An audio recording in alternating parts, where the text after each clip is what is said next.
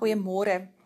Dit is Dinsdag 12 Januarie 2021 en jy is ingeskakel by Rou aanfilterd. Jy luister na Ankia Nel en my ateljee gas vanoggend is Vanessa, 'n 32-jarige werkende jong dame en Vanessa bely haar hele lewe op my Facebookblad Rou aanfilterd um onder die verhaaltjie niemand se bruid Vanessa is die vrou in verskeie ander huwelike.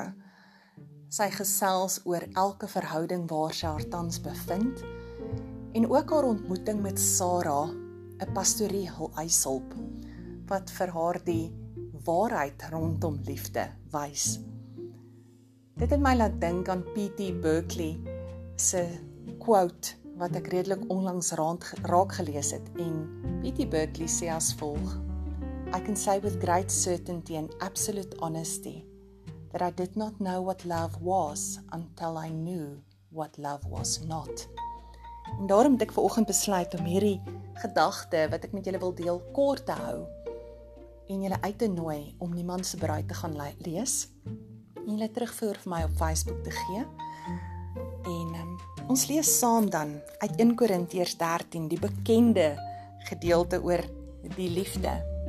En vandag verander ek dit net na wat die liefde nie is nie. Die liefde is nie afgunstig nie. Dit is nie grootpraterig nie, is nie verwaand nie. Dit handel nie onwelvoegnig nie. Soek nie sy eie belang nie, is nie lig geraak nie. Dit hou nie boek van die kwaad nie. Dit verbly hom nie oor die onreg nie. Dit is so maklik om vandag vir iemand te sê ek is lief vir jou. Dit voel vir my asof mense deesdae nogal roekeloos met die woorde omgaan. Dis asof jy iemand skaars ken, dan is jy sommer lief vir hom. Ja, en die waarheid is jy kan jare saam met 'n persoon wees en nie regtig lief wees vir hierdie persoon nie. Jy kan iemand skaars ken en onmiddellik aanklank vat en voel ek is lief vir hierdie persoon. En in hierdie liefde waarvan ek praat, verwys ek nie net na verhoudingsliefde nie, maar na tussen vriende, werkskollegas, jou broer, jou suster. En vanoggend toe ek weer die storieetjie van Vanessa lees, te besef ek net hoeveel van ons soek nie liefde op die verkeerde plek nie.